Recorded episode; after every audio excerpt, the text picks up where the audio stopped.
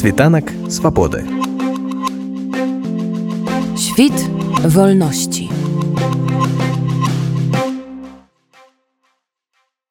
Выстава адбылася ў музеі вольнай беларусі. Арганізатарамі выступілі чальцы партыі народная грамада лідарам якой і з'яўляецца мікалай статкевич выставу адчыняла прамова жонкі статкевіча марыны адамович гэтая выстава адбываецца на фоне адсутнасці якой-кольвік інфармацыі аб мікалаі статкевічы а таксама іншых палітвязняў на працягу ўжо амаль трох месяцаў. Падчас выставы з прамовамі выступілі людзі якія добра ведалі спадара статкевіча. Адным з такіх людзей быў суарганізатар выставы чалец партыі народная грамада паула валег якога мікалай статкевич прымаў у партыю ў 2017 годзе. Сёння адбываецца адкрыццё выставы прысвечаная палітвязня статкевичу мікалаю. Мы з'яўляемся суарганізатарамі этой выставы. Нам вельмі дапамагла пляцоўка нау это музей вольнай беларусі мы ім вельмі ўдзячны дарэчы. Каб не яны это было бы вельмі доўга і ці адбылося бы у бліжэйшы час это вялікія вялікае пытанне. Так что в этом сэнсе я вельмі ўдзячна месяц таму мы рабілі зварот можа вы памятаеце это было 5 сакавіка на плошчы. на дзе помніка мікалаю каперніку памятаеце можа тады мы зрабілі зварот і э, там правялі галасаванне і народ падтрымаў зварот да прэзідэнта польши Анджея дуды. Некалькі дзён таму я э, на мой адрес прыйшло пісьмо от канцелярыі прэзідэнта з адказам пераклад я калі будзе гатовы тады мы абвесцім таксама на тым жа месцы ля памятніка ля помніка каперніку будзем это агучваць то тое што нам адказалі але мы на гэтым супыняцца не збіраемся па-перша будзем рабіць усё што магчыма. У нас ёсць планы э, правесці можа без шэраг выстаў па Еўропе і Амерыцы злучаных штатах Вось будзем рабіць звароты да польскіх ой да польскіх да нямецкіх і іншых і парламентарыяў і кіраўнікоў дзяржавы і так далей. Супакойвацца ніхто не будзе. Ведаеце хочацца захаваць інтрыгу хаця ніякай інтрыгі няма. Это звычайная адпіска але яна такая як бы казаць сяброўская такая. Ну ведаеце то есть то бок это не тое что там ну ведаеце бюрократыю усе во всем свеце яна аднолькавая прыгнана я упомнены что прэзідэнт нават і не чытаў гэты зварот ну а з другого боку калі не не звяртацца так ты нічога не не, не спалучш я прыйшоў у парты ў семнадцатом годзе мне вельмі спадабаўся этот чалавек я э, да гэтага да лідараў розных апозіцыйных партый ну ставіўся так сабе ну не буду зараз распавядаць тому что это шмат часу. Але мне ўразіла то что чалавек па-перша глядзець у вочы і моцна жме руку. Такой мужчынскі посыл от яго ідзе разумееце вось таму что зараз очень ну, не шмат людзей якія вочы тебе глядзяць і ціскаюць руку. А таму что так як там як у новікаў прибоя 5 холодных сосісок разумееце так что в этом сэнсе это там мужчынское начало вельмі такое прысутнейшее Ну і по-другое мы яшчэ так сталася что ён пвошнік я таксама на двухсотым комплексе служыў калі я казаў паша где ты войску я кажу ну пво служыў двухсотым о так ведаю я ж таксама пвошнік ну так посмяяліся я лічу что это адзін з немногіх людзей які з'яўляецца сапраўдным лідарам насамрэч які паслядоўна усім сваім жыццём даказвае што ён чалавек які якога цікавіць які думаюць аб тым што будзе з Беларусь таксама з прамовай выступіла і прадстаўніца аб'яднанага пераходнага кабінета беларусі па нацыянальным і культурным адраджэнні Аліна коўшык якая добра ведала спадара статкевіча яшчэ з тых часоў калі сама працавала журналісткай.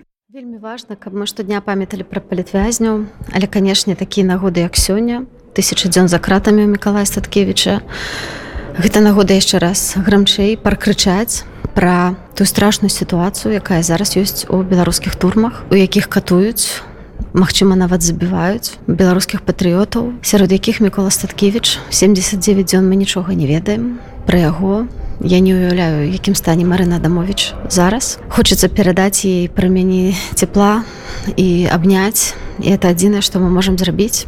Але акрамя гэтага мы можемм усімі сіламі дамагацца звальнення наших палітвязняў і канешне іх лічба нашмат большая чым афіцыйная 1500 все яны павінны выйсці на волю. І кожны з нас павінен зрабіць тое што можа зрабіць.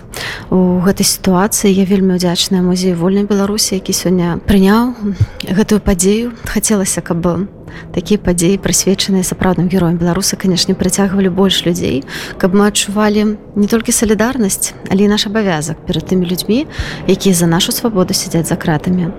Але кожны робіць свой выбор наша задача рабіць так каб тыя людзі якія незаконны рэжым трымае закладнікамі за кратамі не засталіся забытымі і каб мы як мага хутчэй зрабілі ўсё каб яны выйшлі на волю. І тут все залежыць не толькі ад палітыкаў Усё залежыць ад усіх нас беларусаў. І трэба пра гэта памятаць штодня. І фактычна сваім жыццём сам мікола статкевич паказваў тое што ён ніколі не спыняцца ў сваім змаганні.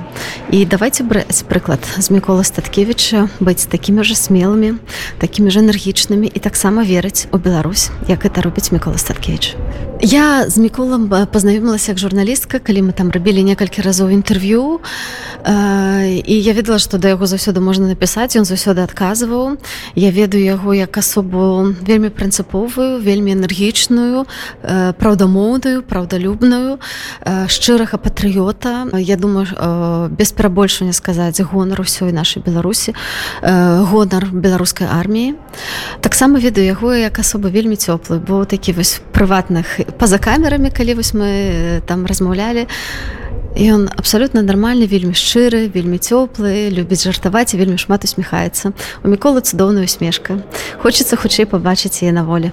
Я думаю што канешне найбольш за кратамі хутчэй за ўсё найбольш закатамі катуюць тых нязломных і асабліва тых людзей які для нас вельмі значныя мы не ведаем все что там адбываецца за кратамі вось нават ты лісты які я атрымліваю праз маці ігора ліневіча мы разумеем что гэта ліставанне вельмі няпоўнае яно такое толькі просто дазваляе табе мець контакт з гэтай асобай але ты абсолютно не ведаеш что там адбываецца я ведаю вось з той інфармацыі что напрыклад я атрымала ад гаспадарні валенціны ігора не так давно выпусцілі з шиза то бок усіх іх кідаюць распораз у шиза мы ведаем что страшная сітуацыя з палінай панасюк і ёсць разуменне таго што хутчэй за ўсё зараз далі загад далі сапраўды загад на тое каб подкруціць градус быць можа для таго каб схіліць да перамоваў захад быць можа для таго каб просто паказаць што мы можемм все вы нам нічога не можете зрабіць і гэта можа быць таксама пэўным адказам на тое што э, яны адчуваюць сябе беспакаранымі і таму тым больш мы наши партнёры мусім быць больш моцнымі і паказваць што мы не будзем весціся вось у гэтай гульні мы не будзем весціся на э, тыя перамовы якія будуць ісці толькі па думках э, дыктатараў мы гатовыя размаўляць але трэба выпусціць палітвязню мы не будзем э, рабіць з людзей закладнікаў гэта наша прынцыповая пазіцыя э, Таму давайте выпускайце палітвязню і тады быць можа штосьці будзе далей але так як себе паводзіцца зараз і Путін і лукашенко і гэтай заявы аб размяшчэнні ядравай зброі на тэрыторыі беларусі на паказваюць што іх зусім іншая тактыка. Але канешне яны выкарыстоўваюць усе тыя балючыя кропкі. А палітвязнях это тая кропка якая нам вельмі вельмі баліць лідар руху салідарнасці разам вячаслав сіўчык адзначае як адважна мікалай статкевич змагаўся за дэмакратыю ў беларусі. Як ён выводзіў людзей на вуліцы літаральна на наступныя дні пасля выхаду з турмы. Спадар сіўчык заклікаў беларусаў раўняцца на мікалая статкевича разумееце ну, мне так наогул такое адчуванне што міколай Вікторович статкевич ведаю все жыццё хаця мы з ім пазнаёміліся калі был э, пуч ГКЧП это жені, э, это 1991 год гістарычныя падзеі про которые вы все ведаеце калі подполковник савецкай армии звярнулся да офіцераў і солдат. Э, каб яны не выконвалі злачынныя загады з Москвы але ж мне здаецца что мікола был практычна заўсёды пры крытычных всех датах якія былі ўжо в навейшай гісторыі беларусі для беларусаў.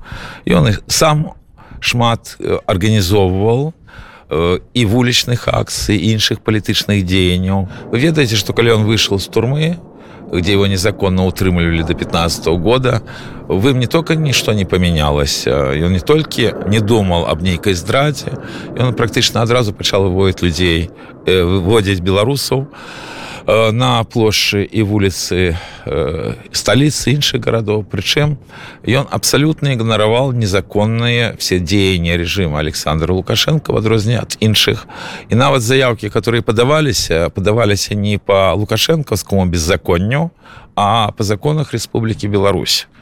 Яшчэ до моманта антиконституционного перароту 1996 года. Світанак свабоды Świt wolności.